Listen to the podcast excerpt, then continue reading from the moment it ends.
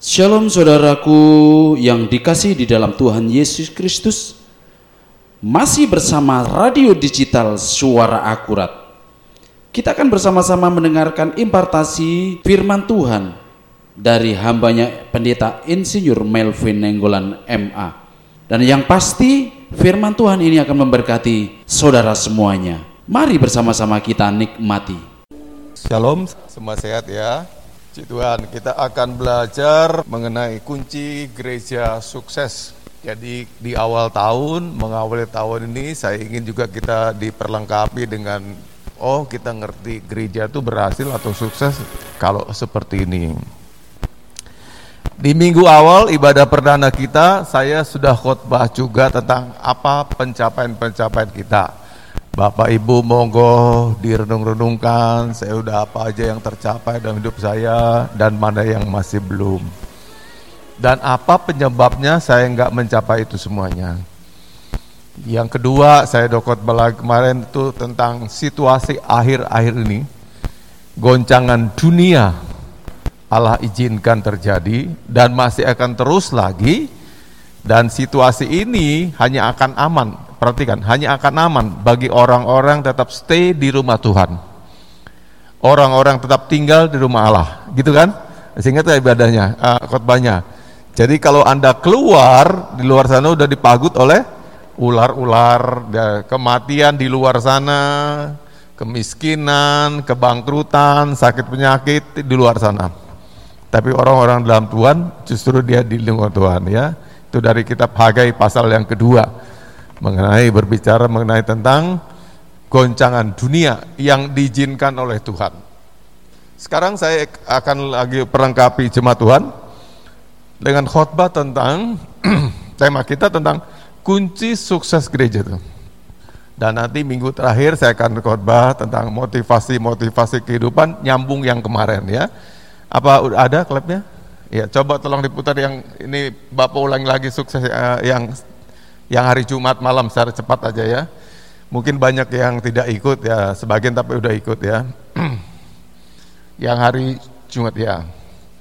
Yang Jumat kemarin diajarkan orang sukses, sukses itu ada enam hal yang dikerjakannya. Nomor satu, dia percaya pada Tuhan, trust in God. Katakan amin. Percaya pada Tuhan itu kunci sukses. Halo, tolong perhatikan saya betul-betul ya. Kunci sukses yang pertama adalah trust in God, percaya sama Tuhan. Beda orang percaya sama Tuhan sama enggak. Beda. Semuanya, rezekinya beda, jalan hidupnya beda. Dia ada terang, orang lain gelap. Dia ada hikmat, orang lain enggak ada. Semuanya jadi beda ketika orang bersandar penuh pada Tuhan. Katakan amin. Beda ya rezekinya juga beda semuanya. Orang lain bisa berkata, ih something magic ya, ada yang magic dalam dalam diri orang itu ya. Kok terjadi ya? Kok bisa ya? Kok gini ya? Kok gini? Nah itu orang lain heran melihat kita karena kita dalam Tuhan. Ya orang yang percaya pada Tuhan juga bisa sakit. Aku juga bisa opname, ya, bisa juga kadangkala ada turun rezekinya, bisa juga kehilangan, tapi itu semua dalam jaminan Tuhan. Coba kita kembali, ini nanti akan diulang lagi dalam khotbah yang inti nanti. Apa yang Tuhan janjikan, perjanjian Allah di Sinai. Ketika umat Tuhan dibawa keluar dari Mesir, lalu sampailah di Sinai, Tuhan langsung bertatap muka ngomong sama umat Israel pertama kali lu janji pertama kali itu janji Sinai. Jika engkau sungguh-sungguh mendengarkan apa yang kuperintahkan, eh, apa yang kukatakan dan melakukan dengan setia, dengan tepat apa yang kuperintahkan. Maka aku akan memberkati kau lebih daripada segala bangsa. Itu janjinya loh. Lebih dari segala bangsa. Tetapi jika kau meninggalkan aku, maka aku akan mengutuk engkau lebih dari kutukan bangsa-bangsa lain. Itu kita pegang. Janji itu. Halo, Gak usah ngomong soal berkat, gimana cara jadi kaya, tapi Anda berpaut pada Tuhan tuh beda. Ada jalan yang dia sediakan, karena Allah mengasihimu, dia akan ciptakan jalan-jalan bagi kita. Sekarang bayangkan, Bapak udah dapat dari Tuhan ilustrasinya. Kekecewaan Tuhan sama kita tuh apa? Bayangkan ya Bapak Ibu. Saya pakai ilustrasi, misalnya anak saya Dida, aku sayang sama dia. Terus Bapak ngomong sesuatu, dia abaikan. Saya perintahkan nih, dia cuek. Bahkan hidupnya semakin semraut. Kira-kira aku tetap masih nolong dia Pak, tak biarkan. Hati ini sayang.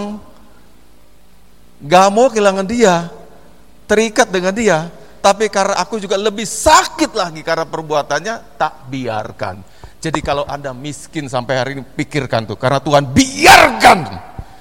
Karena kamu nggak mau dengar kata-kata Tuhan, melawan, berontak terus, dibiarkan. Sebenarnya kita tadi janji Tuhan di sini tadi jelas.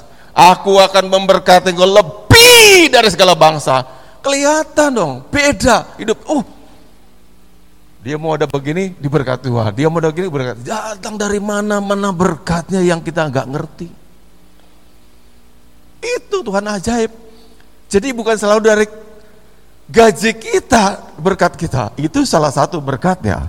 Tapi Tuhan bisa munculkan dari mana-mana sebab dia Tuhan. Dan dengan alasan karena dia mengasihimu, biji matanya. Sebaliknya kayak tadi ilustrasi tadi. Andai kata dia tuh turut, ya katakanlah enggak pinter-pinter banget gitu ya. Pas-pasan nilainya, tapi nurut terus. Patuh, dengarkan.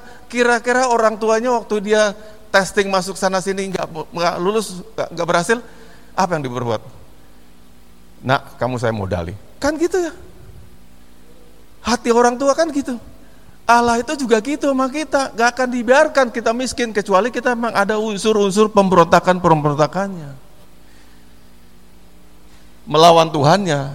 Nah koreksi masih di awal tahun jangan-jangan aku kayak begitu juga ada banyak hal aku nih banyak berontaknya sama Tuhan. Kesetiaan memberikan persepuluhan juga enggak ada. Itu kan perintah. Ibadah juga aku telantarkan, itu kan perintah. Dan berbagai hal lain. Ya kalau perintah-perintah Tuhan disepelekan nama kita, ya jangan marah kalau kita memang jadi begini hidupnya. Itu sebabnya dasar Bapak berkali-kali berkata dari sejak awal gereja ini berdiri, tidak ada kemiskinan. Miskin itu bohong, karena kita yang ciptakan kita jadi miskin. Aku ngelawan dia kok. Yang begitu sayang dengan aku, begitu memperhatikan tapi tak sepelekan semuanya. Ya jelas Tuhan tinggalkan, dipunggungin. Terserah kamu mau berhasil hidupnya atau enggak, aku enggak mikirin kamu lagi. Buatlah Allah memikirkan kita setiap saat. Kita akan diangkatnya. Ada amin? Jadi punya mobil Rolls Royce itu bukan cita-cita, enggak harus punya cita-cita gitu. Bukan itu yang buat kita berhasil. Percaya pada Tuhan adalah cita-cita kita. Maka trust in God nomor satu, percaya sama Tuhan, bersandar sama dia semuanya beres akan diatur oleh Tuhan. Yang kedua, kita harus punya visi, mimpi besar. Katakan amin. Apa mimpi besarmu? Kalau memang kita nggak ada mimpinya, ya nggak ada juga yang terjadi. Ya, di hidup kita nggak ada yang melekat mimpi-mimpi apa. Saya tidak sedang menyombongkan diri, tapi ngajar sama jemaat Tuhan yang saya kasih dalam Tuhan. Ini semua terjadi karena ada orang yang punya mimpi. Ada amin? Kalau nggak ada mimpi, siapa yang berencana akan membangunnya jadi begini, jadi gini? Kan ada orang bermimpi. One day, satu saat gini, ini akan aku gini kan, ini gereja diangkat gini, gini, gini. Terus kalau gambarnya aku nggak bisa memang nyuruh arsitek kan gampang. Tapi mimpi itu bukan mimpi sang arsitek, mimpi itu mimpi saya dia melaksanakannya hingga jadi kayak gini. Miliki mimpi besar, a big dreams. Itu akan membawa loncat. Yang ketiga, yang ketiga ini dikatakan bahwa gini, kalau kita ingin diberkati, ikuti ikuti, taati perintah-perintah Tuhan. Apa yang diperintahkan itu kita lakukan. Doa setiap hari lah begini, Tuhan tolong saya, mampukan saya untuk sanggup mengikuti perintahmu. Walau digoda, walau dihasut, tetap perintah Tuhan kita lakukan. Damen. Yusuf lagi di Mesir digoda kan? Mungkin pikiran banyak wajar bagi banyak orang adalah nggak apa-apa juga sekali-kali kali gitu kan? Tapi dapat promosi nanti melalui istrinya. Tapi dia tidak begitu loh. Mana mungkin saya berbuat dosa? Perintah dipegang. Yang diberikan Tuhan amanatnya hanyalah ngatur administrasi kerajaan. Tidak urusan rumah tangganya Firaun. Dia taati itu, diangkat Tuhan. Betul nggak? Sorry, Potifar bukan Firaun.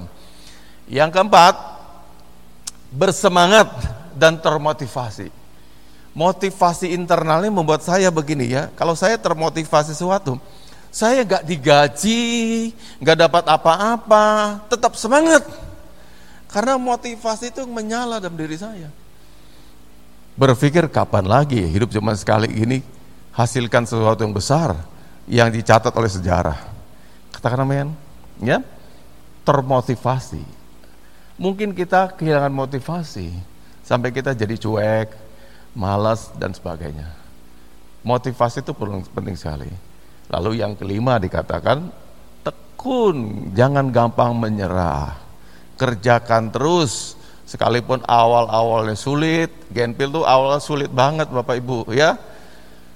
Mau dipakai gedung ini di apa di demo orang kita urus dulu gedungnya sampai tiga tahun. Sulit awalnya semua, serba sulit, apa-apa juga sulit. Ya, tapi saya lihat kemarin ke ke sininya ada penyaringan-penyaringan juga di jemaat. Sekarang yang tinggal udah yang baik-baik semua. Macam-macam isu dihembuskan yang nggak bisa dipertanggungjawabkan. Tapi kita sekarang mau tekun. Amin. Yang sisa ini tekun aja terus urusan Tuhan nanti berkati kita. Tekun, miliki ketekunan, ya. Orang pintar sama orang tekun kalau orang pintar loh. Ya, tekun dikerjakan terus, sulit dihadapi, disahkan terus sampai tercapai tujuannya. Tekun adalah salah satu karakter yang dibentuk oleh Allah. Tuhan gak pernah bentuk kita tuh jadi orang cepat kaya, tapi tekun lewat ketekunan mencapai cita-cita, capai kekayaan, kesuksesan lewat ketekunan. Jadi ketekunan itu dibentuk oleh Tuhan. Jadi orang yang dipakai dipakai Tuhan juga orang-orang yang tekun. Gimana misalnya Tuhan berfirman pada seorang, pada saya lah, Melvin, kamu pergi ya, rintis gereja baru nanti. Di mana Tuhan? Gitu ya, di Pakistan. Ya, saya berangkat ke sana, wah perlawan terjadi segala macam. Tapi kalau langsung saya pulang kan nggak terjadi apa-apa karena tekun. Karena kita tekun, kita lihat seperti ini. Amin. Tekun terus, tekun terus ya. Jatuh bangun, jatuh bangun, tapi tekun. Yang keenam, katakan. Saying. Apa yang kamu inginkan, itu doamu. Karena setiap kata-kata kita adalah doa kita. Amin. Iya, saya juga perkatakan nama ginjal saya setiap hari. Kadang-kadang saya kayak orang ngomong-ngomong. Eh Ginjal terima kasih ya, kamu baik sekali udah menemani saya selama 58 tahun. Aku ada gini karena kamu berfungsi. Jangan berhenti yuk, tetap berjuang. Sampai apa yang amanatkan, amanatkan Tuhan tercapai. Saying, halo, because your words, kata-kata Anda adalah doa, praying. Jadi katakan terus apa yang kita inginkan, keadaanmu juga bisa berubah. Kita ucapkan, ucapkan, ucapkan lagi eh, gosok, ucapkan ya, lagi uh, lagi masak, ucapkan semua yang hal-hal baik yang kamu inginkan. Nanti waktu Tuhan, cuman ngomong-ngomong, eh, atau sampai di sana juga, nggak terasa juga berubah semuanya. Jadi ternyata kita bukan uh, fokus pada soal harta, kekayaan. Cuma tadi hukum rohani yang enam ini dilaksanakan, yang menurut saya itu terjadi. Saying, gitu. Karena Tuhan juga, ih ngomongnya gitu terus ya, ngomong gitu terus, itu kan jadi diperhatikan. Seperti Anda juga dengar Bapak punya ciri-ciri khas ngomong apa, itu yang sering diucapkan, itu sering diucapkan, sering diucapkan, terjadi. Gitu juga, ada juga gitu pada diri sendiri juga. Ngomong terus, ngomong terus, ngomong terus, ngomong terus, katakan, katakan, katakan, ucapan, ucapan, ucapan. Gak terasa nanti terjadi. Kadang cepat, bisa juga agak lama, bisa juga lebih lama lagi urusan Tuhan, tapi terjadi ada amin? Kata-kata orang benar tuh magic sekali. Pasti dengar oleh Tuhan. Ada amin? Jemaat Tuhan saya mau tarik simpulkan yang kata-kata tadi yang Bapak pertama kali. Janji Tuhan di Sinai masih berlaku sampai hari ini. Bagi jemaat Tuhan yang oglangan ibadahnya, malas-malasan, itu introspeksi diri. Gimana kita akan berkemenangan kalau cara hidup kita juga sama Tuhan begitu? istilahnya kita bikin kesel Tuhan. ya kayak saya tadi sama. Sejatinya saya sayang dengan dia, tapi cara dia begitu jalan hidupnya, ya nggak mau dengar-dengar sama saya, dinasehati nggak mau dengar, yang dilarang dilakukan dilakukan lagi, jengkel kan? Gitu juga kita dengan Tuhan begitu juga. Kamu banyak menjengkelkan Tuhan, maka Tuhan akhirnya abaikan. Allah kasihnya besar. Sekarang dia mau nggak ngampuni kita? Mau, datang sama Tuhan.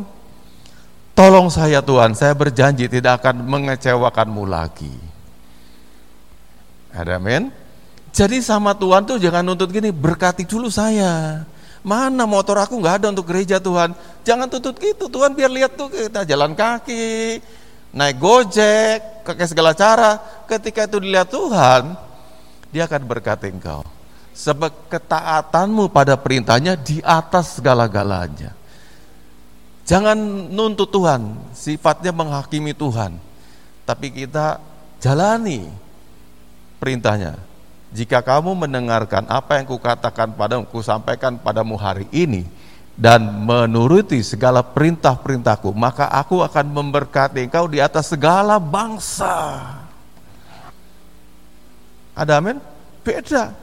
Ya, oke, kita sekarang masuk pada khotbah ini. Jadi kunci sukses gereja saya mengacu pada gereja di China. Bapak diberkati, literatur sudah sangat lama literatur saya baca, sangat diterangi Tuhan lagi pada waktu saya menjalani karantina pribadi di rumah. Saya baca lagi, saya baca lagi, saya semakin terberkati. Diulang lagi, ulang lagi, dan itu banyak saya tuangkan dalam tulisan akurat yang nanti bulan Maret ya. Baik klik lagi berikutnya. Nah, sekarang definisi gereja dulu apa apakah gereja itu? Gereja adalah komunitas real komunitas real. Jadi ini kita tanpa dibentuk ini mari hari ini kita bentuk gereja gini tapi itu kenyataannya ada. Real ya real. Nyata sekali emang ada. Ada persaudaraan sananya, ada pengorbanan sananya, ada penyembahan di sananya, ya, dan segala macam. Dari orang-orang percaya. Yang bertemu di tengah-tengah hadirat Kristus. Katakan amin. Saya cuma ngutip orang yang ngomong ini, Elmer L. Towns. Ini akan dibawakan nanti. Gereja sukses itu gereja yang ada hadirat Tuhan. Tidak diperlukan rekayasa apa pun. Kalau ada hadirat Tuhan sini beda. Jos ngalir. Waktu saya ucapkan 12 kekurangan kita, itu dalam dua malam dua minggu yang lalu, Jumat dua minggu yang lalu. Saya tidak sebutkan tentang praise and worship kita. Sebetulnya banyak kekurangan, tapi gampang memperbaikinya ini nih. Kalau nggak ada ini, hadirat Kristus memang kita hanya menekankan pada teknik, lagu-lagu baru, gimana supaya kita modern, ya, dan variasi-variasi yang lain. Tapi kalau ada hadirat Allah, gereja di Cina itu cuma pakai gitar bolong, oh urapan Allah ngalir, ber, ber, ber, sembuh, sembuh, sembuh ke situnya kita kurang. Jadi kalau para WL, para singer, para musik mereka fokus pada Kristus. bobot Yesus dalam dirinya tuh tebel. Itu beda. Langsung beda semuanya. Ada yang magic dalam pujiannya. Ada yang magic dalam worshipnya. Hello. Let me explain you. Saya bantu gini. Ini eh, aku anggaplah ini manusia ya. Ini para pemuji pemusiknya. Bukankah Allah itu memakai orang? Jadi gini, ini saya taruh sini ya bisa kelihatan ya. Ini, ini, ini, ini yang mimpin pujian depan dan teman-temannya. Di sana itu jemaat di bawahnya. Tuhan tuh gak langsung begini, lewat ini dulu. Kalau bejananya nggak bener, ya ini nggak ngerasakan apa-apa. Jadi yang perlu berubah ini setengah mati saya ngajar apa pun juga tentang pujian penyembahan orang ininya juga enggak enggak lengket sama Tuhan kok apa yang berubah ini bejananya dulu. Tuhan lihat sana. Oh ini udah nerima penuh. Gelasnya sampai penuh luber. Ya ini ke, ke, ke apa namanya kecipratan dong luber semuanya. Lah ini kurang. Yang di sini kayak gelas kosong yang kayak gini dan gak mau diisi. Doa malas, dengar firman Tuhan, mainan HP, dan sebagainya, kayak gini. Ya gimana ini mimpin pujian, orang lain diberkati. Lihat di dua, dua ilustrasi begini. Yang penuh, udah dasar udah penuh kan, Tuhan turunkan curahkan. Set. Limpah. Limpahan itu kena ke kita. Yang ini kurang dan gak mau diisi. Ya ini yang yang kering-kering ini memimpin kita. Akibatnya cuma sebuah nyanyian, sebuah puisi, sebuah musik tanpa magic tadi itu. Gak ada yang ngaruhi saya apa-apa. Nah kesaksian gereja di Cina mereka mengatakan, yang mimpin itu kadang-kadang kasih rumah sakit.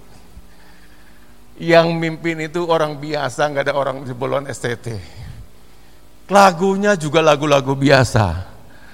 Dikatakan Suci, suci, suci. Brrr. Ini beda dengan pujian di panggung atau pujian uh, campur sari. Kuasanya Allah itu membuahkan kita. Jadi tolong teman-teman di PAW juga sadar akan hal ini. Penting nomor satu itu Hadirat Tuhan itu nomor satu. Tanpa hadirnya itu kita hanya kumpul-kumpul manusia aja yang diwajibkan tidak bayar, maka saya berkali-kali Bapak katakan, pujian penyembahan kita adalah etalase gereja yang membuat tertarik dan orang datang ke tempatnya ada kualitas pujian penyembahan. Pendetanya juga khotbahnya gak terlalu gimana, tapi kalau udah kita masuk ke hadirat Tuhan, orang matanya semua dengarkan, ikuti semuanya, telinganya dibuka semuanya. Sesuatu yang something magic terjadi karena tadi hadirat Allah ada di situ melingkupi kita.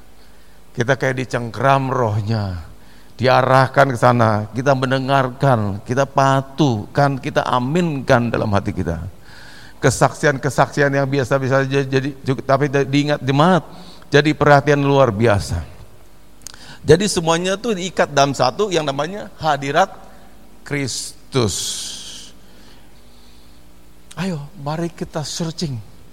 Kita cari sampai ketemu hadirat Tuhan tuh. Saya percaya gedung ini udah dipersiapkan untuk besar, menjadi akan terlalu kecil ketika kita sudah dipenuhi hadirat Kristus.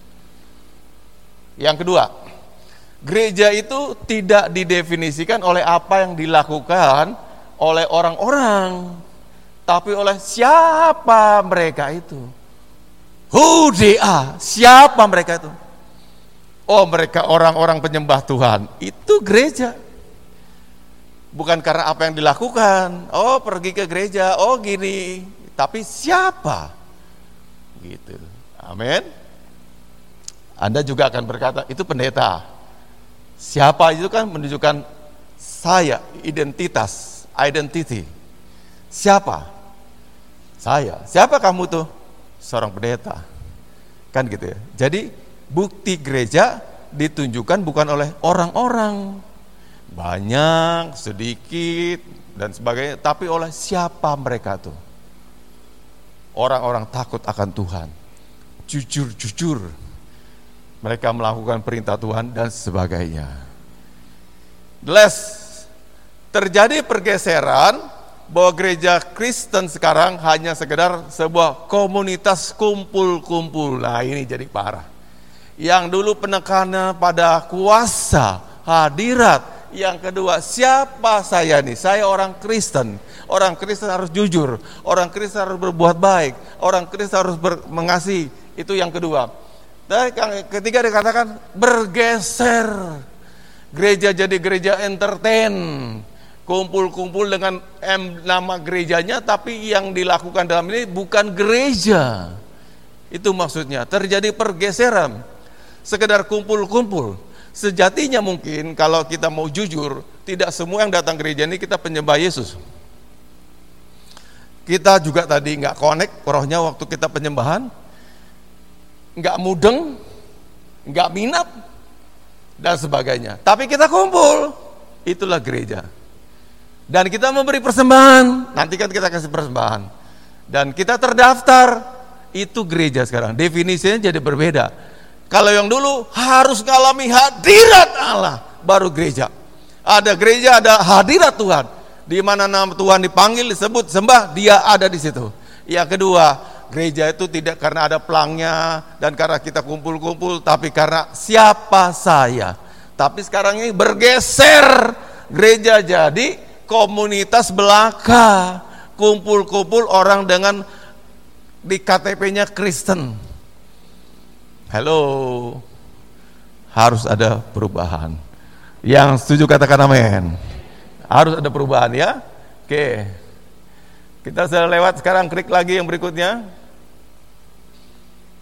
Fakta terakhir didengarkan baik-baik. Jadi pertumbuhan umat tidak tidak signifikan jika dibandingkan dengan pertumbuhan gereja. Bapak Ibu ngerti nggak maksudnya? Jadi gini loh, ini ya, di survei orang Kristen di Indonesia, contohnya Solo aja.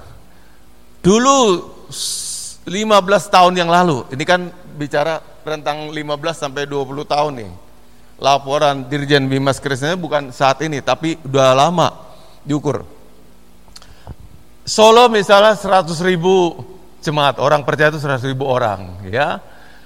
Ah, kemudian setelah 15 tahun disurvei ulang 102 cuma nambah 2 ribu.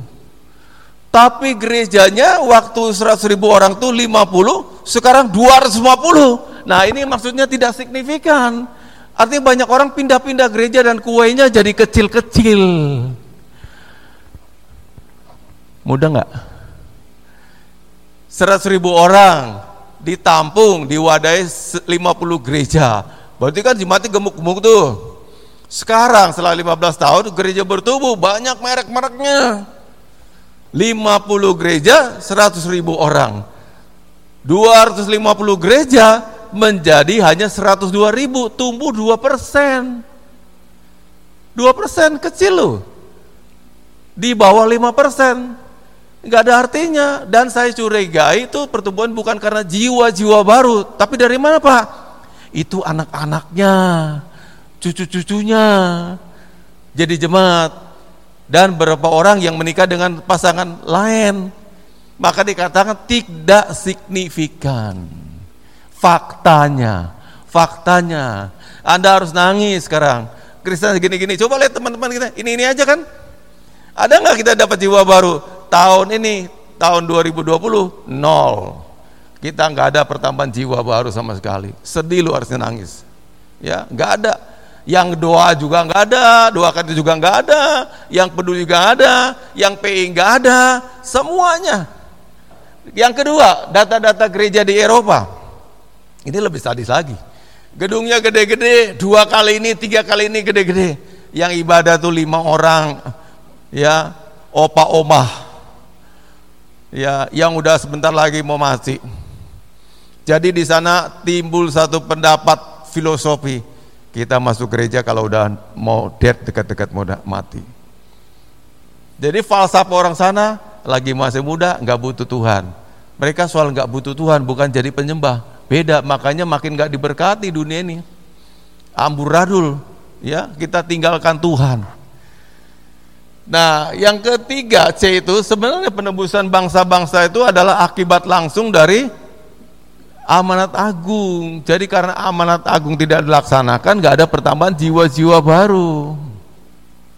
Halo, hari Minggu kalah dengan Jagong, nggak bilang ini yang benar. Halo, pagi-pagi udah sibuk rewang, motong-motong bawang gitu ya. Harapannya alasan bilang ntar sore ibadahnya, tapi udah kecapean nggak ibadah juga. Kita nggak menunjukkan ini yang benar, kalah. Aku nggak mau lembur, dipotong gaji kamu. Iya, ini yang benar. Sampai Tuhan bela kita, nah itu kurang kita. Iman kita nggak radikal ke mereka. Ya, nah ini fakta-fakta. Jadi ada empat fakta-fakta kalau tambahkan yang ini. Yang nomor satu, pertumbuhan gereja nggak signifikan. Cuma nambah dua ribu, dua persen. Itu masih di kota. Kalau daerah kayak Jambi, nggak ada sama sekali, nol. Aceh, ah, nggak ada sama sekali nambah, nol. Ya. Lalu kedua tadi, gereja-gereja di Eropa. Udah banyak, dan aku takut nih. Kalau aku bangun gereja nih, besok nggak ada orang ibadah di sini, aduh ngeri sekali. Ayo menangislah sama-sama dengan Bapak. Teriakkan mau Tuhan. Dibangun Tuhan bukan untuk jadi sekedar museum, tapi untuk umat Tuhan beribadah di sini. Ya. Lalu yang ketiga tadi amanat agung yang lesu kita laksanakan. Anda berani gitu gitu? Ketika kita dikomplain, ini yang benar. Iman kita dipertaruhkan, jam kerja kita dipertaruhkan dan kita nggak bisa bilang ini yang benar. Udah banyak ngalahnya, nggak pernah ibadah lagi. Udah banyak ngalahnya, perintah-perintah Tuhan nggak dilaksanakan lagi. Ya mau diberkati apa? Hello, kita nggak berdiri di atas iman kita nggak berdiri di atas kebenaran. Takut menguasai kita, ngapa-ngapain takut, ngapa-ngapain takut. Ya klik lagi berikutnya. Sekarang ada empat kunci gereja sukses. Yang pertama udah disinggung tadi. Atmosfer ibadah. Haduh, haduh, haduh. Kalau gereja tuh kuat atmosfernya, kita baru jalan sana udah pengen cepet-cepet ke sini, nggak ada orang males-malesan. Ya, dengan lunglai-lunglai jalannya kayak kepaksa ke gereja atau membaca melihat tanggalan, oh besok minggu lagi, ah malas gereja di Cina sekarang masih harus Senin diconteng sama dia besok Selasa coret. Ngarepin banget besok Minggu. Anda ada nggak sini? Yang betul berharap kapan ya gereja? Aku udah nggak sabar lagi. Aku pengen lagi. Itu nggak ada kan? Di hati kita. Karena rutin hari Minggu. Tapi kita nggak mencari Allah gereja yang roh Tuhannya kuat panggil itu kerasa Bapak Ibu. Kerasa. Suatu ketika waktu kita masih ibadah di Budi Sehat ya. Ya, itu Budi Sehat ya. di Budi Sehat saya bawa hamba Tuhan dari luar negeri. Ya, Pak Daniel Rat ini.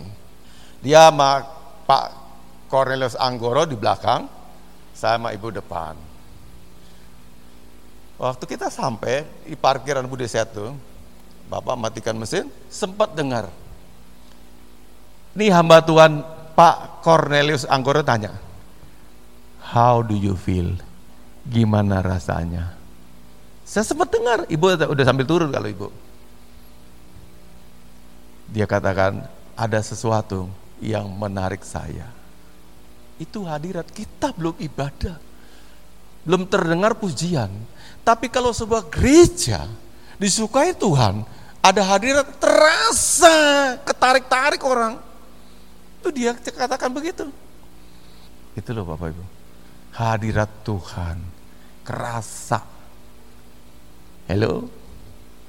Banyak orang mengatakan kalau kita tuh beribadah di gereja yang penuh hadirat Tuhan, kita masih jalan di halaman kayak pengen cepet-cepet pengen ditarik ke dalam. Gereja Catherine Kuhlman, kapan-kapan saya putar videonya ya. Catherine Kuhlman, ibadah tuh jam-jam 10, 11 gitu. Ada mau tahu? Dari jam 8 orang udah nongkrong di gereja. Nunggu kapan pintu dibuka untuk rebutan kursi yang di depan itu ada hadirat Tuhan narik kita. Jadi bukan sebaliknya kita malah pilih tempat yang di belakang-belakang atau di luar aja, udah biasa. Itu adalah roh. Roh yang gitu roh yang melawan hadir Tuhan. Jadi dia nggak setuju hadir di sini. Oh orangnya juga cuek-cuek semua kok. Sekedar-sekedar aja, nggak ada peduli, nggak ada perhatian, sambil dolan HP sebagainya. Dia Allah yang maha tahu. Siapa kita yang peduli, yang perlukan Tuhan? Nah di Cina ini luar biasa sekali. Tapi ada orang Indonesia duduk sana, mereka adalah sedang dalam rangka tugas ke China, duduk. Bahkan dia tuh duduknya sebelahnya toilet. Langsung kerasa ber ber. Orang langsung ada yang nangis, sesenggukan itu kalau kita lihat ada hadiah Tuhan, ada perubahan-perubahan. Mata berkaca-kaca, mengaminkan, syukur sama Tuhan, semua terfokus pada Tuhan. Sebab dia hadir di situ. Itu perjuangan kita. Halo? Gimana ibadah yang kayak begitu terasa kuat hadiratnya. Mencengkram kita, menggigit kita sampai kita nggak bisa beralih ke perhatian yang lain. Di sana dikatakan kadang-kadang yang khotbah itu bukan orang dari STT katanya. Jadi nggak bukan dari STT siapa ya saya bilang. Jemaat-jemaat biasa. Gantian giliran siapa punya firman mau khotbah silakan ke depan. Tapi Anda tahu nggak? Waktu orang depan tuh menyampaikan sesuatu, si orang Indonesia ini yang, yang kebetulan ibadah di sana karena itu mah firman doa biasa sekali saya sering dengar di gereja saya. Tapi semua mata tertuju ke sana. Tidak ada yang ngobrol tidak ada yang mainan HP tidak ada yang mereka tertuju dengarkan itu. Itulah roh Tuhan mencengkeram begitu kuat sekali tanda-tandanya. Nggak ada yang ngantuk nggak ada yang nggak peduli. Semua yang punya telinga dengar firman Allah maka gereja itu bertumbuh dengan sangat pesat dan luar biasa. Bahkan ada sampai orang meramalkan, one day suatu, suatu hari nanti Cina menjadi gereja dengan popula, populasi umat Kristen yang terbesar di dunia. Apa gitu ibadah? Dia bilang tidak kayak kita gini kayak kayak di di Indonesia kata orang yang Indonesia yang bersaksi itu. Mereka uh, duduknya enak, nyaman, itu sempit-sempitan, umpel-umpelan Bangku untuk lima orang diisi enam. Asar sampai sibuk, masih ada satu lagi nggak? Ada satu lagi. Ayo, come on, come on, come on. Dia duduk sempilin situ. Ini agak kecil orang. Ini di sini pangku, tolong di pangku, di pangku demi ibadah loh. Ada ada satu, ada satu ke sini, sini, sini, sini. Eh, Pak, titip ya, boleh pangku anak ini. Ini mbaknya duduk sini aja. Diatur begitu loh. Udah sempit, habis lagi tempat depan, depan, depan. Jadi kalau ini ini ini, ini mimbar ke sana tempat kosong, duduk di lantai mereka mau. Penuh gerejanya. Ih, sampai gila gitu orang cari Tuhannya. Yuk jadikan Genpil juga kayak begitu. Gereja yang penuh dengan hasrat akan Tuhan. Yang tidak bisa tergantikan apa pun juga. Tuhan nomor satu. Ini bangun gini gak gampang loh. Gak gampang. Lebih gampang saya doa. Disuruh depan ini saya doa. Lebih gampang saya khotbah tapi bangun kayak itu itulah perjuangan saya. Udah 15 tahun jalan 16 tahun saya menggembalakan Genpil. Sampai sekarang belum bertumbuh signifikan. Belum kelihatan ada jiwa-jiwa baru. Malah orang malas-malas makin banyak. Kebetulan gak ibadah karena pandemi dan sebagainya. Bukan malah cari Tuhan. Ini dia. Hadirat Allah adalah jawabannya. Bapak pernah ngajar ingat gak? bukan setiap persekutuan, pertemuan mengatasnamakan Tuhan, pasti Tuhan ada di situ. Betul? Sering ya? Bukan, bukan setiap. Sama dengan cek tanpa tanda tangan, kita nggak bisa uangkan itu. Anda tahu itu? Bapak dikasih cek 100 juta. Wah bisa selesaikan pembangunan ini. Beres semua pembangunannya. Tapi orang ngasih itu lupa tanda tangan. Dikasih ke saya. Saya kamsi kamsi arigato dong. Makasih, makasih, makasih, makasih. Saya senang-senang saya pulang. Saya kasih, saya, saya sharing sama Mian, sama Pak Hari. Saya dapat cek lo gini Pak, puji Tuhan. Saya pergi ke bank, saya uangkan. Tahu-tahu orang bank bilang, maaf Pak, ini tanda tangannya belum ditanda, lupa tanda tangan. Ah, nggak bisa, nggak bisa. Sampai kapan pun nggak bisa saya uangkan.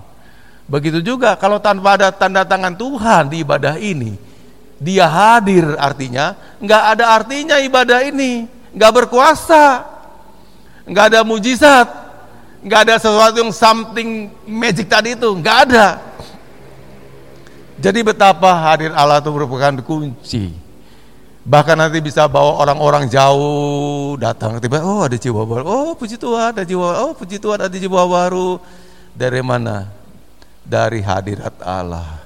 Tuhan bisa izinkan waktu kita memuji menyembah Tuhan terdengar sampai berkilo-kilometer dibukakan Tuhan bagi telinga yang percaya pada Tuhan. Ada amin saudaraku? Itulah perjuangan kita bersama-sama. Dukunglah Bapak Gembala juga kita bangun gereja yang kayak gitu. Itu mimpi kita dari dulu. Gereja yang hadirat Tuhannya kuat banget, strong, hebat banget ya. Sampai orang menggeletar-geletar gitu, gak doakan, gak tumpang tangan orang pada jas. Saya lihat juga di Nigeria kayak gitu juga. Orang tuh sampai doa doang, glosor-glosor di jalan ke toilet. Saya mau ke toilet orang doa-doa begitu. Kok bisa ya apa gini ya? Aku gumul sendiri. Satu kali ibadah 15 juta loh. Gerejanya 3 km kali 3 km. Tuh Bapak udah ngalamin sana. Korea. Waktu saya ke Korea. Korea dua paginya aja kayak orang ibadah kesembuhan ilahi. Nggak ada praktek kesembuhan ilahi sana, tapi orang dua pagi sampai begitu. Dan saya ketemu sama orang yang bisa bahasa Inggris, orang Korea nggak semua bisa bahasa Inggris loh. Saya tanya, kamu datang dari jarak yang berapa jauh dari sini? Dia bilang 60 miles, 60 mil. 60 mil kali ke 1,2 ya. 1,2 berarti sekitar 80 km. 80 km tuh Jakarta mau Bogor lebih jauh sedikit lagi. Kira-kira hampir ke Sukabumi lah tuh, ke gereja itu. Datang. Jam berapa doanya? Saya mau kasih tahu jam 4 pagi, jam 5 udah selesai. Satu jam aja. Dan doanya Bapak Ibu ya, dengarkan saya, tertib banget. Cuman lagu pertama yang dipimpin. Kayak tadi Bapak nyanyi misalnya, Pu, suci, suci, suci, terus nyanyi, habis itu masang-masang doa. Doa mereka tuh bisa berkeringat di pagi buta kayak gitu. Ya, mereka berkeringat. Orang Korea kan doanya begitu ya. Enggak kayak kita.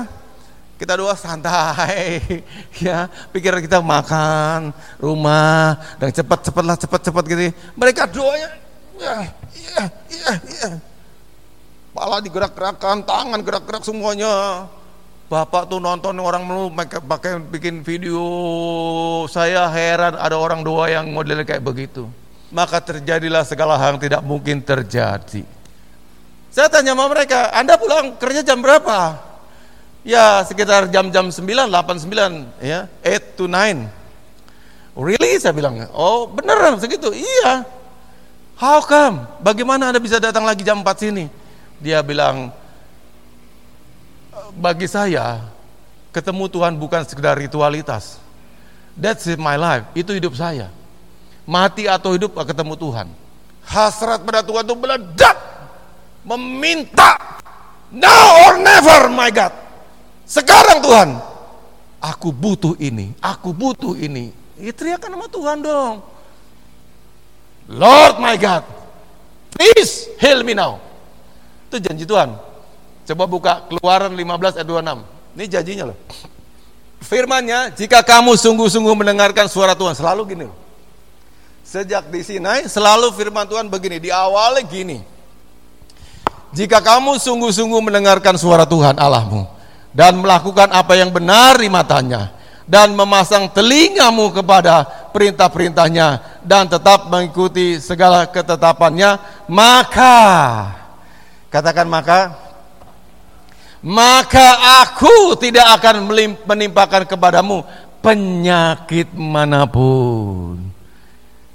Ada men penyakit mana pun ya yang telah kutimpakan kepada orang-orang Mesir Sebab aku Tuhan yang menyembuhkan engkau. Yang bawa Bapak katakan nih, yang bagian akhir. Sebab aku Tuhan yang menyembuhkan engkau. Anda butuh sembuh? Teriak sama Tuhan.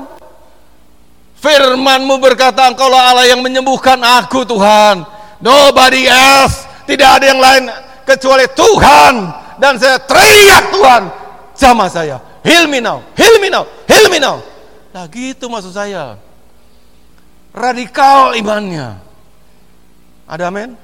Tentang, tentang berkat sekarang. Buka ulangan 8 18. Ulangan 8 ayat 18. Semua kalau kita perhatikan semua mengacu pada firman Tuhan. Cuman orang yang memang ya sepele yang yang nggak peduli yang gitu hidupnya. Ada dong.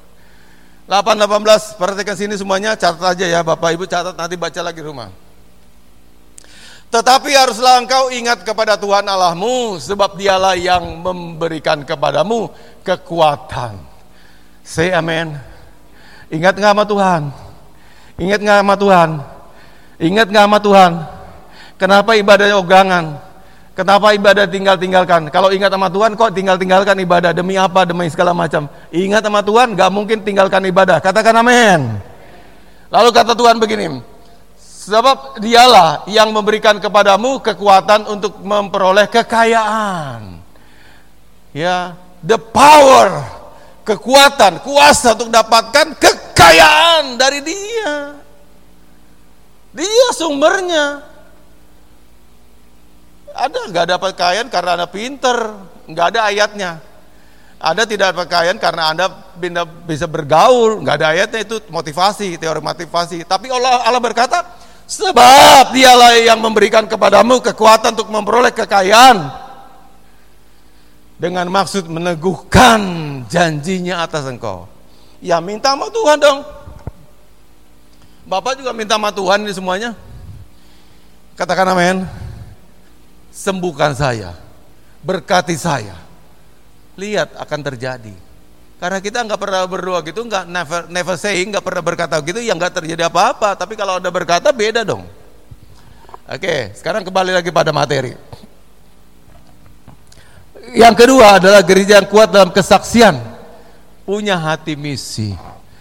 Gereja di Cina itu kuat dalam kesaksiannya. Kesaksian yang diurapi itu beda. Bapak Ibu pernah dengar satu kesaksian nggak yang orang berdiri di sini kita terhisap pada kesaksiannya? Itu kuat sekali. Cina tuh begitu. Mereka nggak pernah kesaksian tentang dulu aku miskin, dulu usaha saya bangkrut, tapi puji Tuhan, saya udah diberkati pulih lagi. Nggak ada, nggak ada. Mereka tidak pernah kesaksian menyamankan dirinya, menyatakan dirinya nyaman, mewah dan tolong Tuhan. Tidak.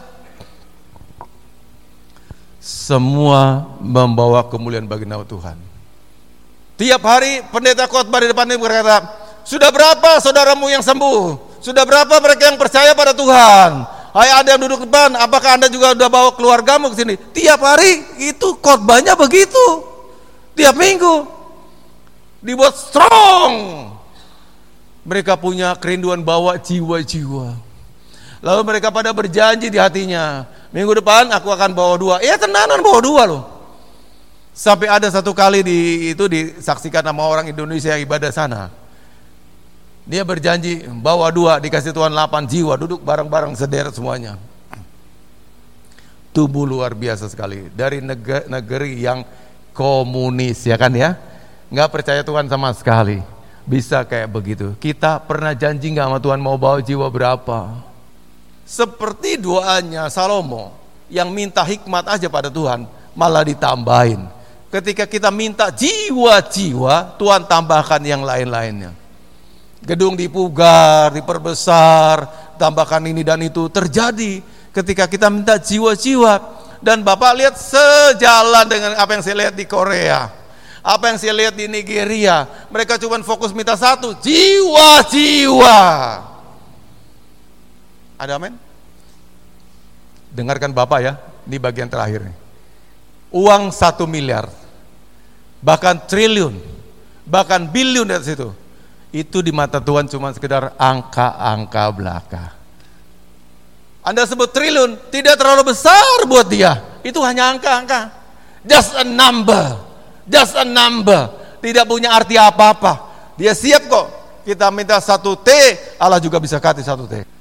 Bagi Allah itu sekedar cuma angka-angka aja. Mari kita fokus kayak gereja di Cina. Allah saja. Allah saja. Allah saja. Amin. Satu Tuhan cukup bagiku. Tidak ada Tuhan yang lain. Anda harus nangis dengar khotbah begini. Ini khotbah yang serius banget. Tuhan tuh bagi Anda siapa? Kalau Tuhan ada hidup mati Anda, Anda akan pernah main-main dengan Tuhan. Katakan amin. Enggak berani saya main-main dengan dia. Hidup mati saya kok. Muliakanlah Tuhan. Hidup kita sebentar, sangat sempit sekali. Enggak lama kok. Hidup cuma satu kali. Enggak ada kesempatan lainnya lagi. Kalau Tuhan udah berkata kita tamat, game over, diangkat. Kaya atau miskin. Dan harta yang kamu cari itu dia ada yang bisa kamu bawa satu pun juga. Betul? Perbaiki semuanya, masih ada waktu. Beribadah dengan setia, beribadah dengan taat, ikuti firmannya. Saya percaya hidup kamu semua tuh berubah. Allah kita Allah yang sayang sama kita. Dia bertanggung jawab. Gak mungkin dia kasih firman dan kita tidak ditolongnya. Pasti ditolong Tuhan. Diubah sampai ke sendi-sendinya, sampai ke apa pun diubah, sampai ke akar-akarnya. Maka kata firman katakan, jika satu orang selamatkan, seluruh isi keluarga juga diselamatkan. Sampai ke akar-akarnya, dibongkar Tuhan semuanya. Tapi syarat tadi, tadi, saya adalah orang yang penuh bobot ilahi. Kalau enggak, gak ada yang terjadi apa-apa. Tanpa dia banyak bacotnya, orang berubah, berubah, berubah, berubah dan jadi satu tim sekarang. Kepekerjaan kita juga diberkati Tuhan.